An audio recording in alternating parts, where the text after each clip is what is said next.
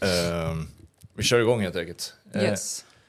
Var kommer du nu från senast? Eller hör du, hör du här i det? Ja. Ja, det är det inte jag. Nej. Jag ah, nej, sorry, jag har inte hört. Så sorry. Nu kanske.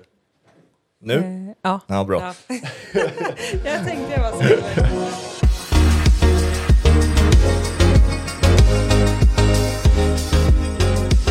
Ja. Eh, var kommer du nu från senast? Eh, här nu på... Var det träning eller var det nu... var det Eh, ja, vi tränade i förmiddags och sen käkade vi lunch på Clarion Hotel. Mm. Eh, och hade litet möte efter. Är det så vardagen ser ut nu med försäsongen i Hammarby? Eller hur, är, hur brukar försäsongen se ut för er? Ja, eh, men liknande som förra året, lite annat upplägg. Men eh, vi har dubbelpass tisdagar och torsdagar. Eh, och, och annars enkelpass och då har vi eh, lunch eh, borta på, på Clarion Hotel eh, i samband med antingen eh, emellan dubbelpassen eller efter, som idag ett pass. Ja, okej. För att eh, jag, så, jag såg du delade på sociala medier de här uppblåsbara, eller vad det nu är, byxorna på de här återhämtningsbyxorna. Mm. Kan du förklara vad det är för någonting förresten? Eh, ja, men, och det är ju svårt att säga om det funkar eller inte funkar, men jag tycker det är skit... Eh, Är det placebo skönt. annars? Kanske. Ja. Jag tycker det funkar. Ja. Eh, så, sen om, om andra tycker det, men eh, jag vet att det är flera som använder det. Så det är egentligen... Alltså i större klubbar, och vi är också, då har man ju game ready och då är det tryck tillsammans med is. Eh, Mm. Så att tryck och kyla. Men de här byxorna är liksom bara tryck. Okej. Eh, så att en, ofta efter dubbelpass eller när jag är extremt sliten så sätter jag mig i dem så trycker man ihop benen lite. Ja, okej, jag fattar. Känner Hur, man sig ganska pigg efteråt. aha. Ja, men det, hur, eh, hur upplever du de här kalla, tråkiga, långa eh, försäsongerna som det är i Sverige? Ja, men, det blir väl lite kanske vad man gör det till. Eh, Mm. Jag tycker nu och framförallt förra året och har känts bra nu hittills att har man en, en grupp som kan hantera de här perioderna så blir det också enklare att träna. Ja. Eh, Det är en lång försäsong och det vet vi om. Och eh, det är träningar som är mindre roliga och extremt tuffa. Men vi vet också att vi behöver klara oss igenom den här tiden för att prestera bra. Så Mm. det, det är klart att det är kallt, tråkigt ibland, men eh, det måste göras. Och, eh, har man bra tränare och, och får bra övningar i det så, eh, så blir det också bra kvalitet. Hur skiljer sig de engelska försäsongerna? För där är det ju in, där är en kortare vinter. ju. Ja, eh, ja, men det är ju inte så att man flyttade hem för att man har saknat försäsongen här. nej, nej. Eh, det kan jag inte säga. Så att, och framförallt när det var mycket med mästerskap. Så att det, på somrarna när man kom tillbaka så blev det inte så mycket försäsong. Egentligen är ju efter sommaren deras försäsong och uppstart på, på säsongen. Men eh, då kommer man in i det ganska snabbt och då drar serien igång efter ett par veckor. Så Mm. då är det bara in och köra. Ehm, och vinteruppehållet är ju lite likadant. Det är ju det korta uppehållet som, som de har. Och då blir det också ganska kort tid inför en, en seriematch eller en tävlingsmatch. Mm. Eh, Så det är klart att det, det är väldigt annorlunda här. Eh, Sen har den ju kortats ner lite med tanke på att Svenska Kuppen har kommit in lite tidigare. Ja. Men eh, det är fortfarande en, en lång period av träning och i kanske inte det skönaste vädret. Jag anar att du föredrar den engelska varianten för den svenska i alla fall. Ja, får man välja rent den periodiseringen så absolut. Då kan vi stanna där lite med Chelsea innan vi fokuserar på Hammarby. Vad är, det- vad är det du skulle säga att du saknar mest? Men generellt såklart, eh, alltid när man kommer in i ett lag och är i ett lag så pass länge så, så är det ju alltid mm, ja, men, gänget som man umgicks med dagligen där. Eh, det, det blir ju eh, när man flyttar utomlands och inte har så mycket runt omkring att man blir väldigt fäst med dem, de man spelar med. Eh, Så att eh, laget i sig såklart. Eh, eh, Ja, men sen fotbollen, det, är- det är alltid eh, otroligt hög kvalitet. Det är med världsspelare som, som man tränar dagligen med. Så att kvaliteten, intensiteten, eh, kravställan där är ju otroligt hög. Eh, och, och sen ja, men allt runt omkring engelska ligan jämfört svenska ligan är ju snäppet högre på, på många vis. Eh, så det är klart att det finns små delar som man saknar men sen är det också eh, otroligt roligt och, och skönt att vara tillbaka i Sverige. Mm. Emma, Emma Hayes som du tränades av, det är ju en av damfotbollens mest framgångsrika och ska nu lämna efter tio år, eh, ska ta över USA som förbundskapten. Hur skulle du säga upplevelsen av att tränas av henne var? För att det är ju att när man är unik som tränare, då är man ju skicklig på en eller många flera områden. Vad skulle du säga där hon sticker ut mer än andra tränare? Skulle du säga? Nej, men just att få ihop helheten äh, och Eh, men man lyssnar när hon pratar. Hon har väldigt mycket makt i det, alltså inte bara som fotbollstränare utan runt omkring i klubben också. Att hon ville att vi skulle få bästa förutsättningarna och då har hon en ganska, ja, men, en stark röst i, i, ja, men, och en pondus som gör att eh, folk lyssnar på henne och, mm. och man vet att det hon säger det är bra grejer och det resulterar i väldigt bra resultat, som i Chelseas eh, fall. Eh, och sen så tycker jag att hon ja, men har fått ihop en, en bra eh, ledarstab. Det är också otroligt viktigt att huvudtränaren är, är, väldigt viktig, men det är också viktigt att få ihop en hel ledarstab som funkar, eh, mm. som kan eh, få ut det man vill till, till spelarna som man har. Ja, eh, vad skulle du säga att du personligen lärde dig mest av henne? Men vi pratar mycket och det är väl något som, som jag som framförallt eh, men under några år haft svårt att eh, liksom, men släppa loss lite, inte tänka för mycket, inte bli, bli för låst i att eh, göra det enkla hela tiden. Så där pushade hon mig väldigt mycket och framförallt kanske sista åren att men, släppa på handbromsen, inte, eh, inte bara spela för att någon ropar på bollen utan mm. eh, våga släppa loss lite och eh, ja, men, köra lite mer. Var, då, så det sitter det mer mentala som hon fokuserade på kanske också? ja, dig. men det tror jag ja. absolut. Och, och, jag kanske, ja men där också när man kommer, då spelade i Linköping, sen flyttade utomlands till, till Chelsea så bli, blev jag i alla fall kanske att men man rättar sig, anpassar sig lite. Eh, man spelar kanske den enkla passen istället för att försöka utmana sig själv just i träning. Mm. Eh, så att just bara, bara gå ut och köra och eh, ja, men kanske bli ännu mer offensiv eh, även i de defensiva aktionerna. Så att det var någonting som, som hon tryckte på framförallt i slutet. När du, så här, vardagen, det blir ju vardagsmässigt när du till slut, även när man tillhör en så stor klubb som Chelsea, hur ofta Kände du att du behövde liksom reflektera över att du ändå har fått ett kvitto på din skicklighet och hur hårt du har jobbat när du faktiskt är i Chelsea med de här världsstjärnorna och Emma Hayes som träna, tränas av det. Eh, är det någonting du reflekterar i stunden eller nu senare eller kommer det efter karriären tror du? Eller? Nej, men det kommer nog komma mer och mer efteråt. Eh, jag har alltid varit en spelare som, jag ska inte säga att jag är nöjd, men jag har heller inte haft eh, ja, men, kanske så hög tro på vad jag kan.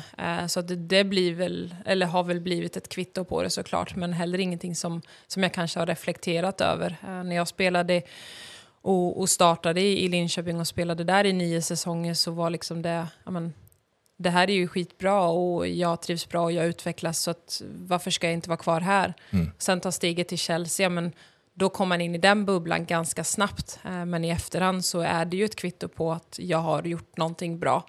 Eh, men jag tycker också det är svårt att ge cred till mig själv och berömma mig själv. Eh, och är väldigt självkritisk i det. Men det är ju sådana här små kvitton som jag tror och hoppas att man kan blicka tillbaka på efter karriären och känna att eh, man har gjort någonting bra. Är det en brist eller är det någonting man kan dra nytta av skulle du säga när man inte ger sig själv cred på det sättet.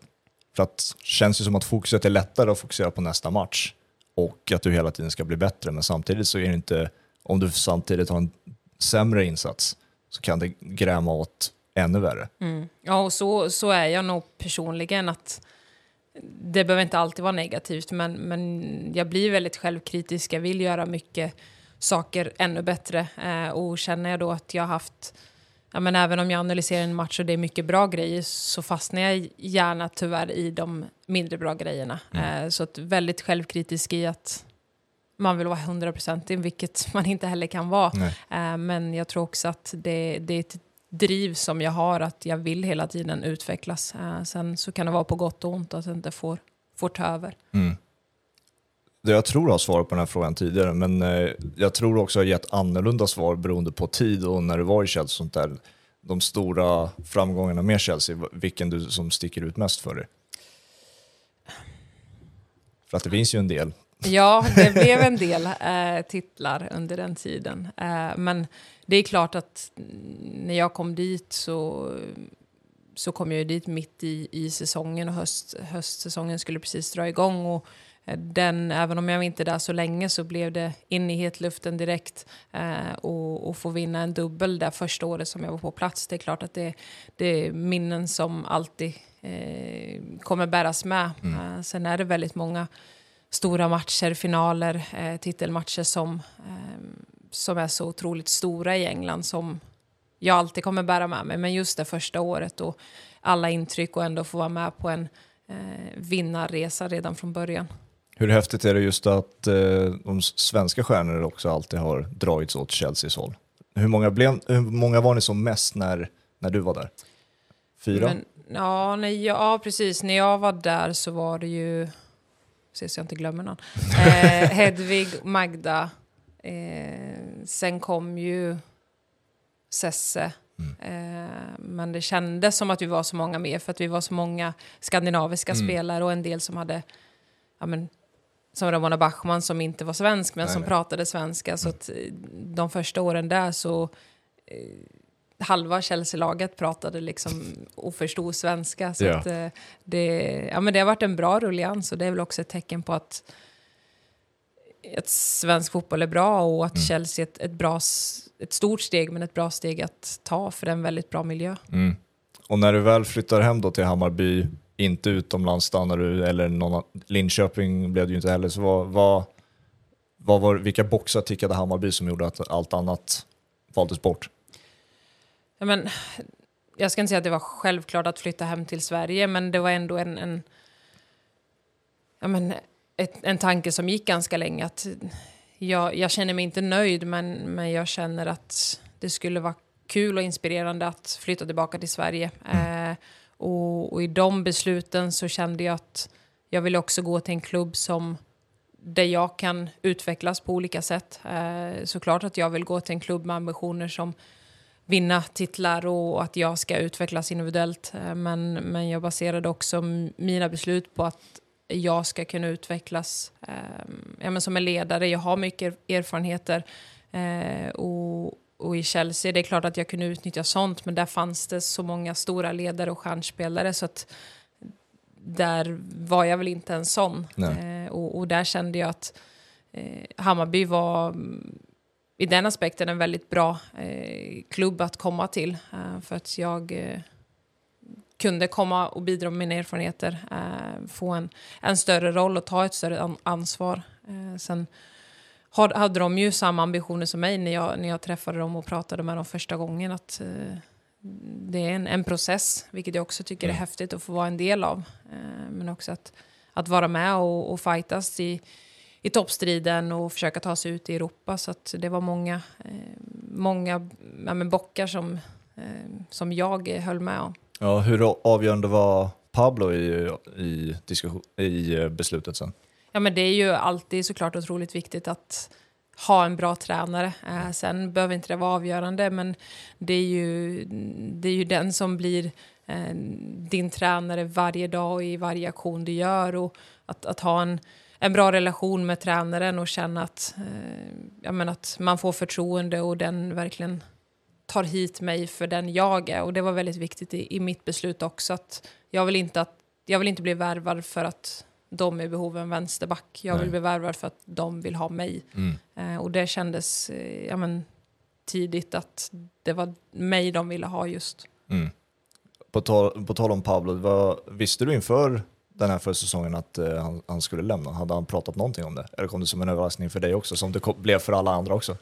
Nej, det var en, uh, en överraskning för mig och för oss också. Mm. Uh, så otroligt ja, men, chockade, tråkigt såklart, men med det året vi hade förra året så eh, ska man heller inte kanske vara förvånad i fotbollsvärlden. Nej, utan det, det händer och eh, otroligt glad för hans skull att, att han får testa något nytt. För att vara mer, det är klart att man kan alltid utveckla ett lag och komma ut i Europa, men jämfört förra året, ja, vad mer kan man vinna liksom? Ja, exakt. Eh, vad är de, först, de viktigaste egenskaperna du upplever att den nya tränaren, vem det nu blir, alltså bör ha för att det ska liksom bli så smidig, vad ska man säga, förändring som möjligt? Ja, men det blir ju en speciell situation just nu att vi faktiskt har börjat försäsongen. Vi börjar sätta lite sätt. Vi ska spela träningsmatch imorgon och känna att eh, vi börjar sätta eh, hur vi vill spela. Och det är väl otroligt viktigt att den som kommer in inte går åt ett helt annat håll utan att Hammarby som, som klubb har vissa ramar att förhålla sig till. Eh, så det är väl ja, men min känsla att jag tror och hoppas att tränaren som kommer in ja, men, vet hur vi spelade förra året och, och, inte kommer in och förändrar för mycket. Sen är det klart att en tränare har sin filosofi och sätt att se på saker och ting men eh, nu känns det som att vi har börjat bygga upp någonting som känns väldigt bra och då vill man heller inte peta för mycket på det. Hur svårt tycker du att det är att anpassa sig efter nya tränare? Mm, alltså jag tycker inte jag har känt av det negativt så jättemycket. Ja. Eh, men det är väl också kanske för att jag har gått till klubbar som spelar en fotboll som jag tycker om. Mm. Eh, det är klart att, att går man till en, en klubb som inte har så mycket boll och kanske försvarar mer så måste man ju anpassa sig. Mm. Eh, så det, det, är väl det också att jag hamnat i, i klubbar som passar mig och min spelartyp väldigt bra. Sen, sen är det klart att kommer det in någon som, som ändrar någonting så måste man ju också lyssna men också att vi kan ha eh, inte en makt i det, men att vi kan dela våra eh, åsikter och vad vi tycker och tänker och att man kan ge och ta lite i den situationen. Mm. För den senaste anpassningen, riktiga ordentliga, var ju från Chelsea till Hammarby. Hur, hur upplevde hela den förändringen? För det, du var inne på skillnaderna mellan England och Sverige också. Hur, hur blev det nu när du kan sammanfatta den perioden? Nej, men, nej, men som jag nämnde tidigare, att det, det är klart att kvaliteten helheten är högre i England och högre i Chelsea. Och intensiteten på träningarna varje dag, det är de här stjärnspelarna som, som spelar och det är klart att då blir träningskvaliteten bättre, det blir högre tempo. Mm. Men eh, jag tyckte ändå att jag var, väl, jag ska inte säga positivt överraskad när jag kom till Hammarby, men eh, väldigt hög intensitet och bra kvalitet och, och en, en fantastisk grupp. Och det är ju någonting som vi har tryckt på från förra året, att eh, Eh, gruppdynamiken som vi har på utanför, utanför planen är också en styrka som tog oss eh, till de här titlarna som vi vann förra året. Så att, klart att det var skillnad och, och det tar också tid, även att flytta hem till Sverige kanske folk tänker att det är lätt och man, man trappar ner och så, men det tar tid att, att anpassa sig och, och komma rätt i en, i en ny miljö, även om det är på hemmaplan i Sverige. Liksom. Mm. Vad var dina förväntningar den sommaren 2022 när du kom på vad du, vad du skulle möta? Eh, för att som sagt skillnader finns, men vad var liksom nivån du hade tänkt att det skulle vara och blev du, du positivt överraskad, men var det andra saker som överraskade dig? Nej, svårt att säga. Jag har heller inte, ja, jag har Linköping att jämföra med, så jag har inte jättemycket svenska klubbar att jämföra med eh, sen tidigare. Så att, jag vet väl inte riktigt vad jag förväntade mig och jag tror också att jag gick in med, ja men jag vet vad jag är för person och spelare och jag vet vad jag kan bidra med och fokuserade väl mer på det än att komma in och ha vissa typer av förväntningar på laget, på klubben, på allt runt omkring.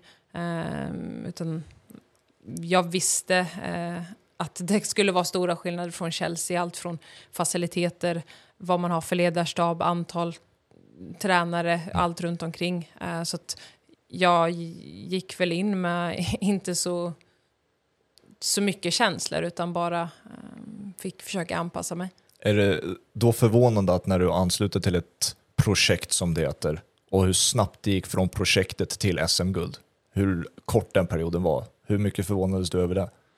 Ja, men, nu i efterhand kanske inte så förvånad, men eh, jag trodde väl inte att det skulle gå så snabbt som det gjorde. Sen är det klart att nu vill vi också kunna bevisa att det inte var en engångsgrej Mm. utan att det är en, en, en klubb som ska vara uppe i toppen och, och fighta som ett SM-guld och, och Europaplatserna. Eh, men det är klart att jag trodde inte när jag kom till Hammarby på, på sommaren och på hösten att förra året skulle bli så pass framgångsrikt som det blev. Eh, Nej. men det är ju helt, helt fantastiskt eh, och otroligt styrka som, som vi hade just förra året. Vad är de avgörande faktorerna som gör att det skiljer sig på ett projekt till ett mästarlag, skulle du säga? Men jag tror alltså gruppen och, och sammanhållningen är så otroligt viktig. Eh, Det är klart att det kan vara grupperingar och eh, ja, men, inte stjärnspelare, men, men spelare som sticker ut. Men just att få ihop ett kollektiv. Eh, jag, jag tycker alltid att lagen som presterar bäst under en längre tid är ett lag som har spelare som vill spela tillsammans. Eh, Man kanske måste ha spelare som kan avgöra matcher på egen hand, men just det här kollektivet eh, tycker jag är otroligt viktigt och det är någonting som, som vi tryckte på att det var en styrka hos oss och det är fortfarande en styrka hos oss att alla som kommer in ska känna sig hemma. Vi ska vara eh, ja, men en, en grupp och inte bara ett lag utan vi ska tycka om att umgås utanför planen också och det tycker jag är en styrka som vi hade. Det finns ju en trend inom fotbollen som du är inne på där att man vill ju gärna att alla elva spelare ska tillhöra egentligen samma mall för att det ska vara ett lag.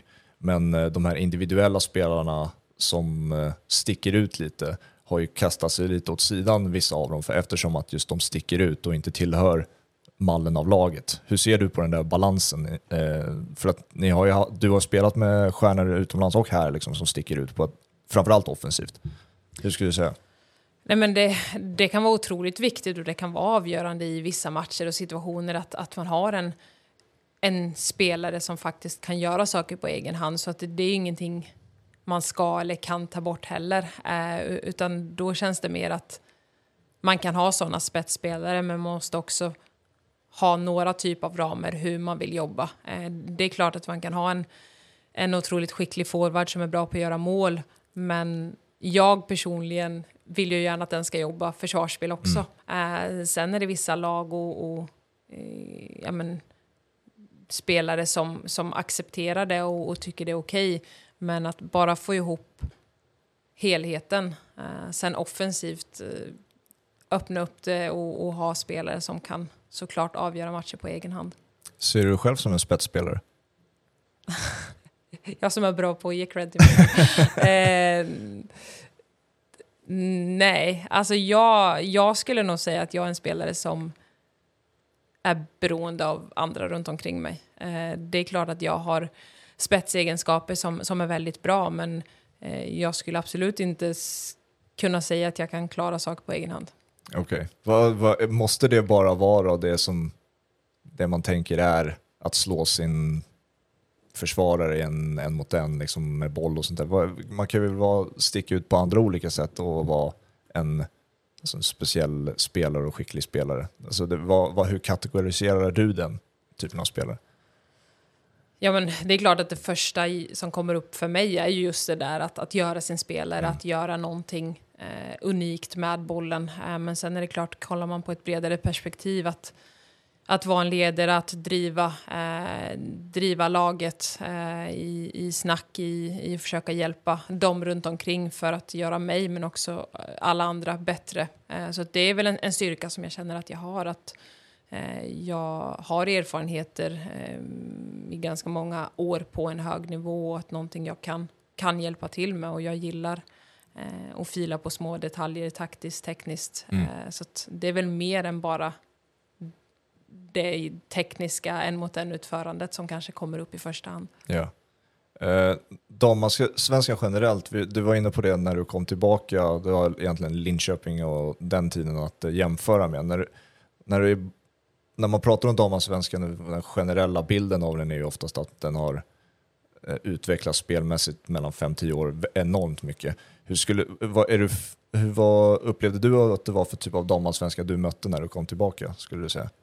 Hur ser du på den utvecklingen jämfört med Linköping och nu? Ja, men, nu har det väl också för mig och min utveckling gått fyra och ett halvt år på, på den tiden jag var ute i England. Mm. Så det är klart att jag har tagit kliv och utvecklats kanske från en, eh, en yngre spelare som inte eh, tog jättemycket plats till att faktiskt stärkas eh, på utanför planen. Men jag tycker ju, eh, tycker man säger det varje år, men att det har blivit en jämnare eh, serie. Sen är det klart att det fortfarande är skillnad på botten och toppen i, mm. i kvalitet så, men jag tycker att det är fler matcher som är jämnare. Eh, sen kan det också vara en, en taktisk grej att Sverige, svensk fotboll i sig är väldigt taktiskt bra och då kan man som ett sämre lag ändå få ett bra resultat även mm. om man inte spelar så bra fotboll. Uh, men just uh, ja, men jämnheten i, i ligan, uh, det tycker jag väl är någonting som sticker ut och att det, det är jämnt in i det sista och det såg vi ju framförallt förra året. Ja, man, mycket rubriker brukar ju vara runt nu de här dubbelklubbarna som eh, det heter, eh, att det är de som kommer ta över för att där finns resurserna. Hur ser du på den frågan som du som tillhör den? men jag tror, jag ska inte säga att det blir avgörande, men jag tror absolut att det är de klubbarna som kommer vara uppe i, i toppen och det är ju ingen hemlighet att det behövs resurser och det behövs pengar i slutändan för att kunna vara med och konkurrera. Sen behöver det inte betyda att alla klubbar måste ha det, men eh, jag tror absolut att inom några år så kommer det vara de klubbarna som har eh, herrlag, damlag som kommer ligga där uppe, eh, är min känsla i alla fall. Och, mm. det tycker jag att, man ser och känner när man själv är en del av en sån. Du har varit inne på det tidigare också, att du vill eh, se mer eh, utveckling eh, inom Hammarby och här på träningsanläggningen. Och vad, är, vad är dina framförallt punkter och boxar som du tycker bör tickas när det ska eh, utvecklas? Vad, vad är det du tänker på då framförallt? Men, man blir också man vill alltid ha mer och vill alltid eh, kräva mer saker och framförallt när, när man kommer från en annan helt annan miljö som mm. egentligen inte går att jämföra med. Eh, sen så blir man också... Eh, ja, men, det är rätt mysigt att vara på kanalplan och vi har, vi har våra saker och man blir rätt nöjd. Man anpassar sig ganska snabbt i det. Eh, sen är det klart att... Oh, jag vet inte vad den tar. Mm, när den blir fullsatt, två, tre Ja, något sånt. Jag är inte heller jättebra på eh, och, och, kan vi få i snitt 5-6 tusen på varje match så hade man ju velat ha det. Det mm. hade ju varit en dröm att fortfarande, för jag älskar läget på kanalplan, jag tycker det är en fantastisk eh, plan och, och mysigt område att, att spela fotboll på. Men mm. eh, vi vill ju kunna få in mer publik så det, det är väl problemet i dagsläget att det är Stockholms stad som, som äger det här och att Hammarby inte har jättemycket att säga till om. Sen kan man alltid ha en, en plan och en, en önskan, men att få stänga in den här arenan och eh, utöka sittplatserna eh, är ju någonting som, som jag drömmer om. Blir det nästan som en chock nästan när, när skiftet går till Tele2 och derbyna spelas där och sånt där? Hur, stora kontrasterna är då. Ja, och där ser vi att ja, det är en, en stor match och det är bara ett par sådana matcher per säsong och då kanske det kommer folk som inte skulle komma till kanalplan, men där ser vi ju att det finns ett intresse. Ja. Eh, och, och, det är mellan 6-7 tusen till 15-20 tusen på de matcherna och, och få spela sådana matcher med så pass mycket publik varje hemmamatch. Mm. Eh, sen om det skulle vara här eller på Tele2, det det är ju dit man vill komma. Ja. Eh, sen är ju Tele2 i dagsläget lite för stor, men mm. eh, att fylla nedre, nedre ring på Tele2 är ju magisk känsla. Så att man vill ju... Intresset finns ju och då känns det som att vi vill eh, skapa möjligheter till att alla ska kunna komma också. När det är Champions League, vad spelas matcherna då? Det har inte jag koll på. Är det på Tele2 eller är det här? Känns som att det borde vara på Skulle Tele2. Skulle gissa Tele2. Ja. Uh, vi får väl hoppas på det i alla fall. Ja, hur ska det bli då? Champions League med Hammarby? Ja, men jättekul. Mm. Uh, sen är det också så svårt att tänka på det, för det är så långt bort. Mm. Det är nästan när damallsvenskan är i slutkampen, så det, det, är så långt bort så att uh, vi pratar liksom inte om det. Men Nej. sen finns det ju där i bakhuvudet att vi har faktiskt tagit oss till ett kval och, och kan kvala oss in till ett gruppspel. Så att det är ju eh, helt fantastiskt. Eh, så det, det, är långt bort, men jag ser verkligen fram emot det. Vad är det du kan bidra för de som är yngre och eller inte har spelat turneringen tidigare, känner du? För att det, det du, har pratat om ansvar tidigare, men det här lär väl bli ytterligare en form av det, för här är en helt annan plattform. Ja, och det är också svårt tror jag att man kan alltid föreställa sig och tänka hur det kommer se ut, hur det kommer kännas, men har man inte varit där så är det också svårt. Alltså vi pratade om det lite förra året att ja, vi spelade en Svenska cupen-final, vi spelade avgörande matcher för att vinna ett SM-guld och där är det många i gruppen som inte har varit innan. Mm. Och just att hantera känslorna som kommer, det är ibland helt omöjligt för att man vet inte hur man ska hantera dem, man vet inte när och om de kommer. Eh, så att, vi tryckte på det mycket förra året och det tror jag också är en känsla man kan ta med sig in i Champions League att det kommer vara annorlunda. Det kommer kännas annorlunda. Det är en fotbollsmatch, vi vet vad vi kan göra, mm. men det är alltid lite speciellt i sådana matcher och att ja, acceptera alla tankar och känslor som kommer. Eh, även om man eh, inte sover bra eller även om man är nervös så vet vi vad vi kan göra på planen. Eh, och det är ju en styrka som vi har och eh, sen så tänker man och känner olika. Eh, sen tror jag också att det är otroligt viktigt att när man ofta bara möter svenska lag så är det en helt annan grej att kanske möta ett tyskt eller ett spanskt eller ett engelskt. Det det är ju en helt annan typ av fotboll mm. uh, där, det, där det ser annorlunda ut. Uh, så också accepterat. Ja, i damallsvenskan har vi mycket boll, men i Champions League och ute i Europa kanske det är 80-90 försvarsspel och också kunna hantera sådana typer av matcher. Mm. Uh, och man kan ändå gå vinnande ut ur sådana matcher. När du säger att man behöver förbereda sig för någonting speciellt, för oss som inte har spelat Champions League tidigare, vad är det för inramning och sånt där som, eh, och mentala förberedelser man bör göra? Det är alltid svårt att säga på förhand tycker jag och framförallt när man heller inte riktigt vet vilka kommer man möta, hur kom, vad är det för typ av fotboll man kommer möta. För det tycker jag i alla fall att då kan man också ställa in sig lite mer mentalt. Okej, det kommer ett bollskickligt spanskt lag och mm. vi kommer få försvara mycket. Att man där kan redan förbereda sig. Eh, men det är klart att Champions League-matcher, det är ett, ett, större event. Eh, även om det är kval eller inte kval. Det, det är större matcher. Eh, sen så tycker jag ändå att vi ska vara trygga att vi vet vad vi står för, vi vet hur vi presterar. Men att kunna vara förberedd på att det är annorlunda och det är definitivt en snäppet högre än vad vi är vana vid. Vad tror du hur avgörande tappen kommer vara som det har varit i vinter? Vi har varit inne på Pablo, men det är spelarmässigt också och hur det kommer påverka er säsong och sen kvalet i Europa. Men det är klart, det är otroligt tråkigt att, att tappa spelare och ja, men, eh, fotbollsvärlden är så, folk kommer, folk lämnar, eh, så det är ju någonting man är medveten om, men det är ändå bra spelare som vi har tappat med, med otroliga spetsegenskaper som har varit avgörande förra året. Eh, men eh, det är också en styrka vi har att vi är en väldigt stark grupp. Vi har fått in väldigt bra spelare och personer redan nu inför det här året som känns eh, väldigt bra. Så jag är inte alls orolig, men det är klart att man alltid vill behålla truppen som man hade förra året när det mm. gick så, så pass bra som det gjorde. Ja. Jag tänkte vi kunde ändå måste få uh, prata lite landslag också när, vi, när jag ändå har det här. Uh, och det är ju faktiskt Nations League-matchen som står runt hörnet. Uh. Är det helt släppt eller har du den i bakhuvudet någonting? För att det är ju liksom en, en fortsättning på det som redan har varit på ett sätt. Alltså tänker du lägret som kommer? Ja, det är lägret som kommer, vad är det, februari, mars? Ja, precis. Februari. februari. Ja. det är en förberedelse här inför en säsong, men samtidigt har ni de otroligt viktiga matcherna runt hörnet också. Hur är det? Nej, men jag tycker ändå att, jag ska inte säga att det är enkelt, men ganska enkelt att eh, ja, men, byta miljö. Eh, mm. Att, att lägga fokus på rätt saker, att vara här och nu.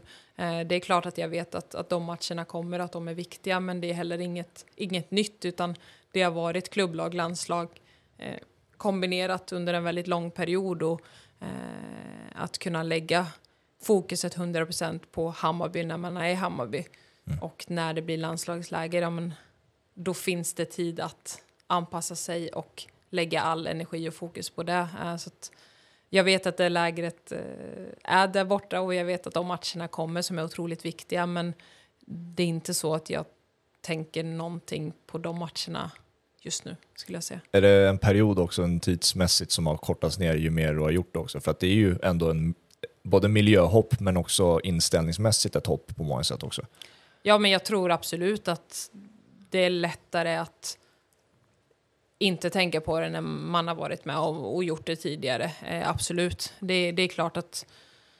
Sen är det ju svårt. Eh, våran truppupptagning tas ju inte förrän en vecka innan. Nej. Så att eh, är det en ny spelare som kommer in så vet man ju inte heller det förrän en vecka innan. Nej, Då hinner man kanske inte tänka eller spekulera så mycket på det för tidigt, vilket kanske är positivt. Men, eh, eh nej men absolut att erfarenheten i de miljöbytena underlättar. Eh. Minns du din vecka?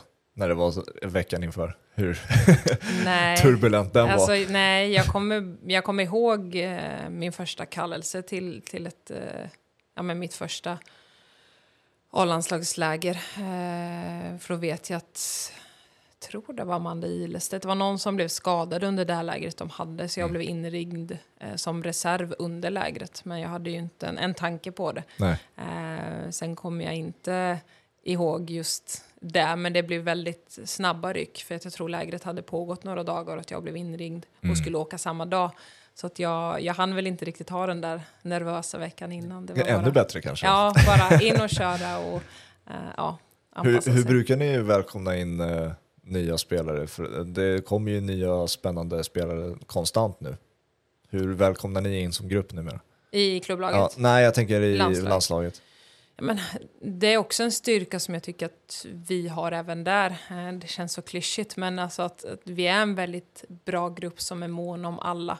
Eh, sen känns det som, även om det kommer in en ny spelare i landslaget, så känns det som antingen har många spelat med den spelaren eller mot den spelaren. Eh, så det känns ofta som att spelarna som kommer in är en i gänget redan innan för att man på något sätt har sett eller spelat med eller mot. Eh, så jag tror och känslan är att vi även i landslaget har en väldigt eh, men, öppen miljö där alla ganska snabbt känner sig välkommen. Mm. Uh, sen är det klart att det finns tankar och känslor och nervositet som, som kan spela in i sånt. Men vi är också en väldigt öppen miljö. Att man ska vara sig själv och man ska eh, visa sina egenskaper och varför man är uttagen till just de lägren. Mm. En person som man antar såklart var en avgörande del i hur den kulturen satts var ju Caroline Seger och du var ju en del av hennes sista lands landslagssamling. Hur var det? Ja, men, eh, känslosamt såklart. Eh, och hon har ju haft en, en, längre period med, med skadeproblem. Och, eh, nu blev det ju inte det där lägret som hon eller vi ville ha det heller. Att Nej. hon eh, inte eh, kunde spela och, och, fick avsluta det på, på det sättet. Eh, sen har hon varit en otrolig ledare, eh, lagkapten, fantastisk person eh, som, som har drivit det här landslaget och som har stått upp för eh, ja, men, allting. Alltså, det känns som att det är hon och många andra äldre spelare som har ja, men, burit och gjort att fotbollen är där den är och att den är på väg att växa. Ja. Eh, och det är deras cred och nu får inte liksom hon riktigt vara med på den resan. Eh, så det är en, en, stor ledare som, som vi tappar. Men det känns ju väl också som att det är oundvikligt att hon på något sätt tar sig in igen inom landslagsfotbollen. Det känns ju som en, liksom en karaktär som man bör och måste dra nytta av. Ja men det tror jag, eller det, det har de ju sagt i alla fall, att ja, de kommer ses igen. Så vi får väl se på, på vilket sätt, men absolut, det är ju, eh, det är ju sådana typer av spelare och ledare i, i ett lag som man vill behålla även om man slutar eh, och lägger fotbollsskorna på hyllan. Så det är ju någonting som man ska ta vara på. Senaste mästerskapet blev ju en stor grej om, som det alltid har varit eh, med er och eh, fasta situationer, men du var ju en stor del utav det också. Du och Amanda Ilestedt på något sätt hittade varandra hela tiden mm. känns det som. Hur naturlig liksom, del av det är bara rå instinkt, instinkt och hur mycket tränar ni på det när det där faktiskt sker? Nej men, ja, men till slut så kändes det som att det var en magnet i Amandas Ja. huvud och bollen. Det var liksom, hur är det ens möjligt? Ja. Det spelar ingen roll vem som stod och försvarade där. Eh, nej men det är klart att det är mycket träning som ligger bakom. Eh, jag eh, senaste åren har lagt ner väldigt mycket tid på just hörner Mm. och jag känner personligen att det har ja, men, uppenbarligen gett bra resultat men jag känner också mig själv eh, i att jag är tryggare när jag går ute nu och jag har lagt ner väldigt mycket tid till just tillslag och precision och vilken yta jag ska träffa. Så att, eh, det är klart att eh, tur kan man ha i fasta men det krävs också mycket tid och eh, precision i just de lägena för det kan också vara som vi såg i vissa matcher, matchavgörande. Ja men alltså, det, jag, i förberedelse, förberedelse för det här så tittade jag igenom era mål 2023. Alltså 80% är ju fasta situationer. Så hur mycket fasta situationer går ni igenom på de här samlingarna igen? Nej, men alltså inför eh, VM så la vi nog ner mer tid än vad vi gjort tidigare just för att vi vet att det är en styrka och att det kan vara avgörande i sådana matcher. Eh, men ja, sen vet vi också att vi har den styrkan såklart både i tillslagen men också längden som vi har på, på vårt landslag. Vi vet att det är en styrka och när vi började bli framgångsrika på det så är det inte så roligt att stå i det där defensiva Nej. straffområdet när vi får en offensiv hörna. Så det är klart att det är någonting vi, vi pratar mycket om och vi tränar mycket på. Eh, sen är det också mycket eget ansvar. Alltså det, det är klart att den tiden vi har i landslaget, de lägren vi har, det är inte så många dagar. Så det är klart att man kan lägga ner lite tid på det, men kontinuiteten hamnar ju på individen och vad man gör i klubblaget. Så att eh, även om jag inte kontinuerligt var en hörnläggare i Chelsea så la jag ner väldigt mycket tid just för att få kvaliteten i landslaget. Vad är det du, för jag har själv varit en kantspringare i mina dagar när jag spelade fotboll och vi, alltså, fick ju ständigt nöta inlägg liksom på och det kan man uppleva som tråkigt och sånt också, men vad är, vad är det du, när du väljer att nöta hörnor eller inlägg och sånt där, vad är det du, vad är det perfekta inlägget för dig? För det finns ju de här olika, nu blir det väldigt fotbollstekniskt här, då kanske folk slutar att lyssna, men det är ju de här chipbollarna, det finns eh, de eh, rejält skruvade bakom backlinjen, det finns en hård bredsida in. Vad, vad är det ditt typ av inlägg som du eh, väljer att fokusera på mest tycker du? Ska jag avslöja det här nu för mina konkurrenter? Ja, det tycker jag. Nej men jag, alltså, jag, nu blir det inte alltid rätt, men att, att inför matcher eller under matcher läsa av vart ytan finns. Alltså, Jag är också väldigt flexibel i vad har vi för styrkor i, i laget eller landslaget, klubblaget. Vart är våra starkaste spelare? Eh, även om det är ett lag som är bra på att försvara, har man en styrka så ska man utnyttja den oavsett. Eh, men också kunna läsa av. Men eh, jag tycker en, en skön chip på bakre eh, är liksom en, en skön känsla när man får till de inläggen. Eh, sen vet man ju själv, ett hårt inlägg på backen mellan backlinje och målvakt är ju otroligt svårt att försvara. Ja. Eh, man själv när man försvarar. Så att ett sånt inlägg som också sitter klockrent på en löpande forward eller yttermittfältare, eh, de är rätt sköna också. Skillnaden där är ju, chippen på bortre, det är ju enklare för anfallaren att göra mål på. Mm. Men det ser betydligt bättre och snyggare ut om du får till den där pressade bollen. Exakt. Så det beror på vad man är ute efter. Ja, men precis. Eh, jag tänkte också på, mm, när man ser på meriter och det ni har lyckats med, eh, och det pratas ju ständigt om vad som saknas för att få det där guldet, liksom, i, oavsett vilken mästerskap man har pratat om, om det har varit OS, VM eller vad det nu har varit. Eh, vad är det ni har tryckt på, upplever ni är det som har saknats? Vad har analysen varit efter mästerskapen? Ja, men, ja, men som du säger, det känns som att det är det som saknas och, och vi har varit och, och nosat på det men inte nått hela vägen. Eh, men jag tycker generellt att man ser på de senaste åren att damfotbollen har växt, har Ja. blivit större och det är en tuffare konkurrens internationellt och det är flera mindre landslag och mindre länder som faktiskt är med och konkurrerar om att ta sig vidare från ett gruppspel. Eh, så att bara där också vara medveten om att damfotbollen växer och det blir mycket svårare. Eh, men det betyder ju också att vi som har varit i toppen måste snäppa, eh, steppa upp oss ännu mer och bli ännu bättre såklart. Eh, men men vi är väldigt bra kollektivt, vi är väldigt bra på att göra det vi ska, men det är väl också det här att bryta mönster lite. Jag vet att vi pratade om det var innan eller efter EM, att våga göra lite mer än mot en. Uh, mm. ja, men, skapa sådana situationer för att göra sin spelare, för att skapa egna situationer. Uh, att, att bli lite mer skickliga i det. Sverige och svensk fotboll generellt är ju väldigt mycket taktiskt och man är väldigt lojal till vad vi ska göra. Ja. så att ta steg i men, den individuella utvecklingen kanske framför allt. Och det är kanske det som är talande för varför ni är så otroligt bra på fasta då, och mm. kanske saknar om man ska fördela det. Det är kanon om man är bra på fasta, men att det ska vara 50-50 mm. istället i målproduktion kanske. Mm. Spelmål och fasta. Och mm. där hittar man den perfekta balansen i det. Precis, och hitta den, ja, men oavsett om det är ett... Jag kan känna att vi har varit väldigt framgångsrika när vi har mött bättre lag som också vill spela mycket offensiv fotboll när vi har mycket ytor och vi har varit väldigt bra på kontringsspelet i svensk, svenska landslaget. Mm. Eh, men också kunna bli skickliga när ett lag backar hem och, och försvarar med, med hela laget utanför straffområdet. Att bli tekniskt skickligare, att hitta små, eh, små lösningar, väggspel för att komma till, till mer farliga målchanser. Så just hitta det oavsett vilket typ av motstånd man möter. Mm. Samma fråga, tråkigt eller inte, svår att svara på, det vet jag inte heller, men eh, som i Chelsea, både bästa men också sämsta eh, per, periodens eller slash minnet i landslaget skulle du säga?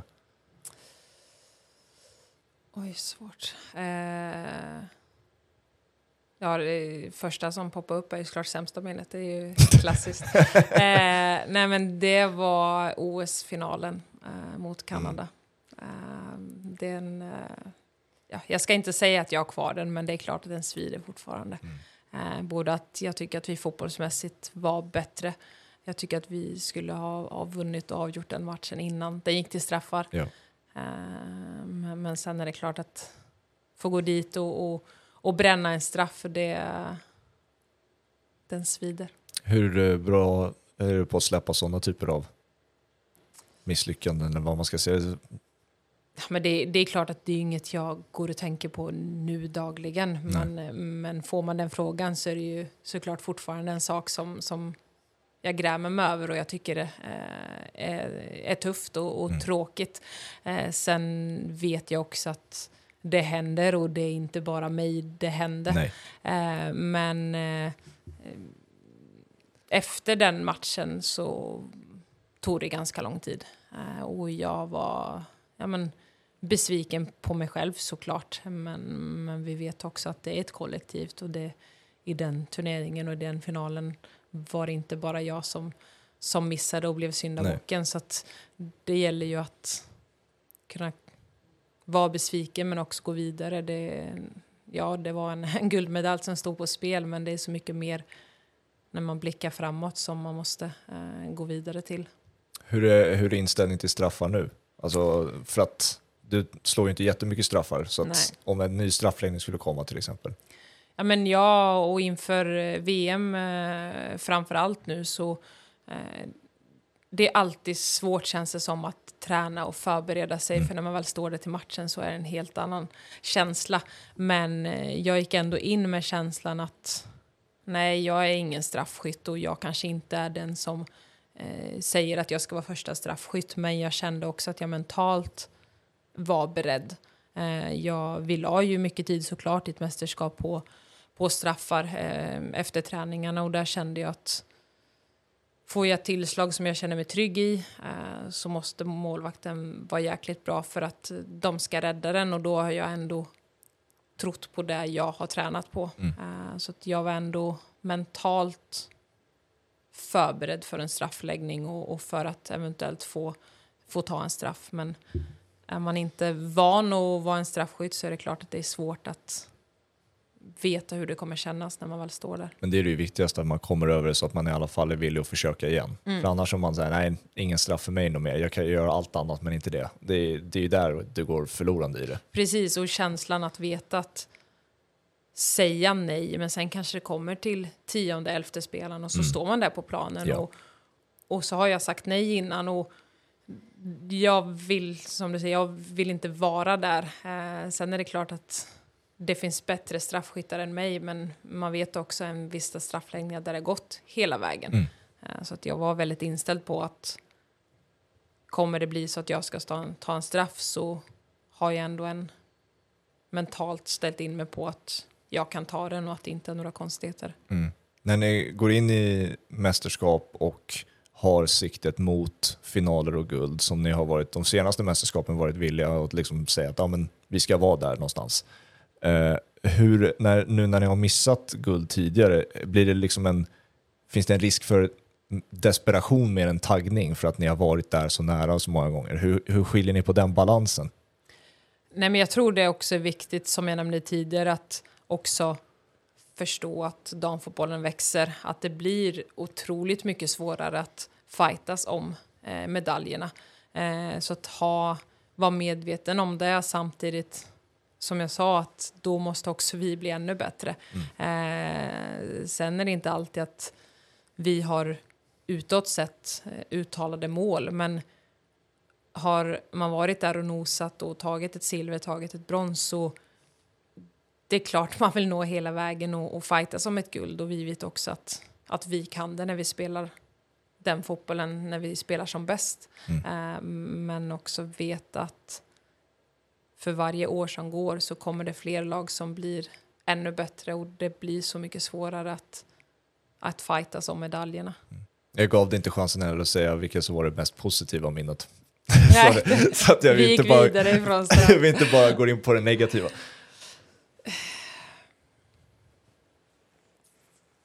Men svårt det också. Alltså, eh, det är klart att det är alltid lätt att, att komma ihåg det senaste minnet och att eh, ja, men, ha ändå ett bra eh, VM, eh, bra eh, matcher där. Eh, klart att vi har lite marginaler på vår sida mot USA. Eh, vi gör en, en bra match mot, mot Japan, men sen få den matchen mot Spanien och känna att luften nästan går ur en, men att sen kunna ställa om och Mm. spela en otroligt bra fotboll mot Australien som Ja. är världsnationen och ändå få åka hem med en medalj. Eh, sen är det klart att det är det sista minnet så det är lättast att, att säga men just den känslan att förlora en semifinal, vara så nära en finalmatch men sen faktiskt ställa om och känna att vi ska inte åka hem tomhänta. Det, är- det är en häftig känsla efter den bronsmatchen. Mm. Hur ser du nu på landslagskarriären? Du närmar dig 100 landskamper. Hur, Mm. vad, vad tror du att du, om du själv skulle få välja, var du ungefär slutar tror du? Nu är det ju inte ofta att man får välja hur, helt, helt fritt, men om du skulle få välja. Får väl ta 99 så jag slipper hålla tacktal. Nej, jag. Nej, jag vet faktiskt inte. Eh, vi får se eh, hur det blir och hur, hur länge jag får eh, förtroende i att, att bli uttagen såklart. Sen vill man alltid representera eh, Sverige och landet i, i alla landskamper och mästerskap som kommer. Eh, sen, eh, som sagt, jag är inte jätteung längre och det kommer in andra eh, otroligt skickliga spelare som, som visar framfötterna och eh, det är ju en konkurrenssituation i, i Sverige som är ett otroligt bra land och, Mm. och landslag så att eh, nej, svårt att svara på, vi får se hur länge. Ja, för när man läser, inte bara namnen utan klubbarna alla tillhör, häpnas ju nästan så här vilken nivå Mm. vi är. Då blir, blir man ju nyfiken, vilka är det som sticker ut under träning? Ja, svårt. Eh, nej, men det är det som är så häftigt att, att komma dit och, och det är en miljö med toppklubbar som du säger att det är liksom toppklubbarna ute i Europa där många spelare är. Det är från damallsvenskan men det är ju fortfarande inte skillnad utan alla är så pass på en så pass hög nivå Mm. att det är sån otrolig kvalitet i träningarna. Eh, så att det Nej, det, det går inte att säga att det är några som sticker ut, utan det är en otrolig styrka som vi har, att det är väldigt många bra spelare. Mm.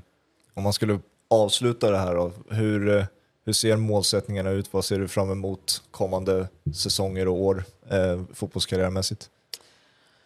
Men det är klart, landslagsmässigt, nu blir det inget mästerskap i år och det är ju inte så vanligt att, att vi har missat ett, ett mästerskap. Så det är ju speciellt i sig, men då är det ju otroligt viktiga matcher som kommer i att hålla sig kvar i, i, i A-gruppen i Nations League och, och behålla den platsen. Uh, och sen uh, är det ju ett, ett, kval till ett EM som uh, ett, ett fokus och, och, ett mästerskap som vi vill till och vi ska till. sen klubbmässigt är det klart att jag vill fortsätta på den resan med, med Hammarby som vi hade förra året. att, att kunna visa att ja, projektet startade men, men det fortsatte till att det ska bli en, en toppklubb eh, framöver också. Så att det, det är klart att vi vill kunna, eller jag vill kunna vara med och försvara de här titlarna. Mm. Det ska bli spännande att följa och eh, jag ska tacka dig så mycket för din tid. Eh, tog mig hela vägen till kanalplan. Det här är första gången jag rört eh, podden någon annanstans än eh, från min bekväma studio. Så att, eh, ja, det, det fick bli kanalplan. Vi har eh, Rickard Norlings FC Stockholm här utanför och tränar och vi sitter i ett bås här på kanalplan. Eh, så det har varit en trevlig miljöförväxling. Men, eh, ja, det mår man alltid bra av, se något nytt. Det var tungt att släppa dit allt det här bara. Ja, så nu ska allting det. släppas tillbaka också. Exakt, det får det vara värt. ja, exakt så. Det, jag tackar dig så mycket för din tid. Eh, det var jätteroligt och stort tack till alla som har lyssnat. Vi hörs snart igen. Ciao!